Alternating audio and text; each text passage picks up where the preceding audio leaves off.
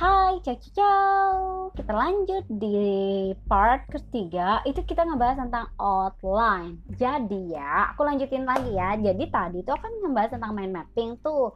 Aku udah ngurain mind mapping yang udah aku buat. Nah, kemudian ternyata ketika aku buat outline itu ngalir banget gitu. Jadi misalnya uh, yang tentang uh, introductionnya yang pertama itu konflik Muslim Kristiani itu aku buat kayak jadi itu tuh aku buatnya secara global aja tuh kayak gitu. Kemudian uh, secara globalnya tuh seperti apa? Pada hari ini ya kontemporer gitu hari ini tuh gimana? Kemudian uh, pandangan baru uh, Barat terhadap Islam uh, itu kayak itu kayak kayak bagian dari awal kenapa terjadi gap gitu loh bagian dari awal gapnya. Jadi aku harus mengutarakan itu karena itu kayak jadi awalnya itu tuh ada ada persoalan tuh. Dari dulunya tuh ada dari abad pertengahan tuh ada persoalan yaitu dari perang salib. Yaitu gitu kan. Nah dari sini itu menimbulkan prejudice. Prejudice ya prejudice prejudice prejudice. Udah prejudice lah pokoknya. Kan blaming kayak gitu kan. Terus itu aku buat paragraf 1 sampai 3 jadi aku tuh menguraikan tuh paragraf 1 sampai 3 tuh. Kemudian selanjutnya masih di introduction jadi eh, terus aku tuh melihat ada gerakan kesadaran relasi itu keduanya. Jadi di salah-salah tulisan aku tuh aku menemukan tuh. Jadi hmm, menemukan ada kesadaran untuk kayaknya perlu ngobrol deh. Sebagai kaum beragama tuh kayaknya perlu ngobrol deh satu sama lain kayak gitu. Nah, aku harus menunjukkan sebuah fakta bahwa pada perang salib 5 itu ada uh, ada uh, ide dari uh, Saint Francis Assisi untuk mengunjungi Sultan Malik Al-Kamil di Dimyat di sebuah kota pelabuhan yang kala itu sebelum Iskandaria ya uh, di Mesir itu uh, uh, dia datang ke sana sebagai pengikut Kristus. Berarti bukan bukan ini ya, bukan uh, bukan apa ya uh, bukan datang tuh bukan sebagai tentara ataupun yang orang yang orang yang mm, bermusuhan gitu tapi datang secara personal personally gitu kan secara personal datang ke ke salah satu tempat base campnya dari uh, tentara muslim ketika itu Nah, perang salib masih berlanjut ya ketika itu. Nah, di sini aku aku kan di di di uh, di situ aku aku menulis apa ya aku mem memberikan gambaran bahwa ada tuh ada upaya gitu membangun relasi itu kayak gitu. Nah kemudian aku juga kalau John Paul II uh, aku membuat juga John Paul II, John Paul II gitu. Tapi kayaknya ketika aku nulis itu aku nggak nggak jadi gitu buat itu. Nah untuk uh, gerakan kesadaran relasi ini aku tulis dua paragraf aja kayak gitu.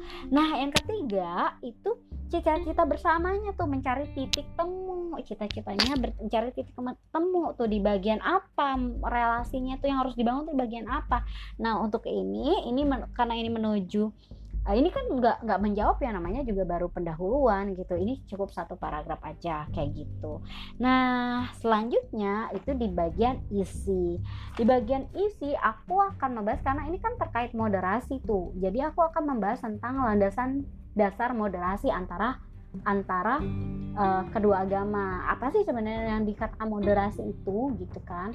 Uh, itu moderasi itu baik yang bagaimana kayak gitu titik temunya di bagian apa itu juga aku akan membahas tentang itu. Kemudian juga uh, landasan-landasannya juga kalau dari muslim itu kayak konsep wasot wasotia kayak gitu kan. Kemudian kalau dari uh, konsep dari katoliknya ya konsili Vatikan II gitu aku udah nulis itu. Uh, Nostra Aetate kemudian dan yang ketiganya oh ya kedudukan moderasi itu tuh seperti apa? Kayak gitu di antara di di Islam ataupun di Katolik. Oh ya Kristen yang aku buat adalah Kristen yang Katolik ya karena aku tidak tahu tentang Kristen uh, Protestan kayak gitu. Nah selanjutnya di aku belum selesai nih. Selanjutnya di isi yang ber, berikutnya adalah implementasi dari human fraternity.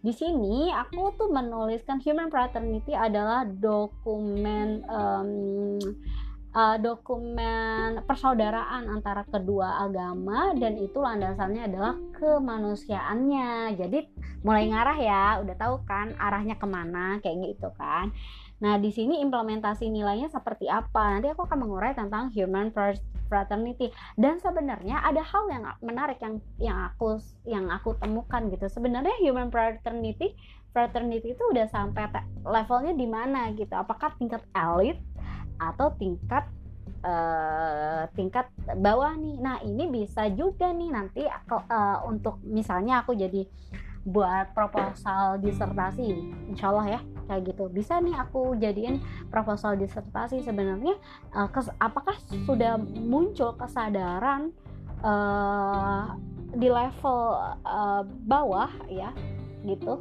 uh, terhadap uh, hubungan Muslim Kristiani ini. Jangan-jangan baru di level atas. Walaupun demikian kita harus mengapresiasi ya. Berarti ada upaya untuk uh, membangunkan kembali kalau kita ini sesama umat beragama harusnya uh, harusnya saling ini dong saling rukun kayak gitu. Walaupun di walaupun berbeda ya walaupun berbeda pandangan berbeda dalam segi ketuhanan kayak gitu. Tapi kita punya loh titik temunya gitu. Titik temu sebagai manusia kayak gitu. Nah setelah dari itu nanti deh kesimpulannya seperti apa kayak gitu. Implementasinya bagaimana gitu tentang human fraternity itu. Gitu deh kemudian ya kesimpulannya bagaimana ya? Karena ini kan terbatas banget. Jadi ini kan penelitian yang penelitian ini tuh untuk buku sebenarnya dan bukan penelitian yang intensif kayak gitu. Jadi aku cuman berapa lembar doang sih karena 2000 kata ya sekitaran itu. Nah ini tau nggak teman-teman ketika aku nulis ini dengan menulis dengan paragraf dengan udah aku tentukan berapa paragraf tau nggak? Itu tuh kayak I'm surprised kayak surprisingnya gitu itu tuh aku kayak lancar banget. Lancar banget nulis itu kayak tok tok tok tok tok, nggak berhenti berhenti gitu loh kayak gitu. Wow jadi itu aku jadi kayak belajar kalau oh iya kalau membuat sesuatu tuh dengan mind mapping yang jelas tersusun uh, kita tuh tahu arahnya bagaimana dan kita buat uh, buat outline tentang diri diri tentang outline dengan tulisan kita itu ketika kita menjalaninya itu itu tuh kayak ngalir banget bener-bener ngalir gitu. Kayak itu kayak alhamdulillah banget gitu. Aku kayak dapat bantuan banget itu kayak gitu. Makasih makasih banyak. Itu kayak pencernaan dari Allah gitu ya.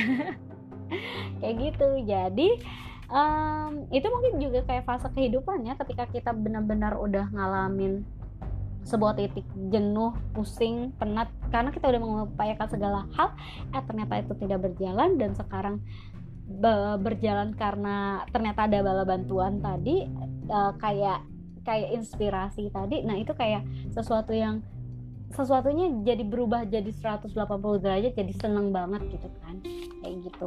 Nah teman-teman ini penting banget ya buat kamu buat kita semua kalau menulis kita harus tahu jelas mind mapping kita apa dan outline-nya gimana. Jadi bukan asal menulis. Ya udah yang penting kelar bukan gitu juga. Tapi kayak menulis tuh harus punya bobot gitu. Yang penting jangan pakai yang penting sebenarnya tapi benar-benar kita kayak uh, serius gitu uh, serius terkait isi yang mau kita uh, sampaikan kayak gitu.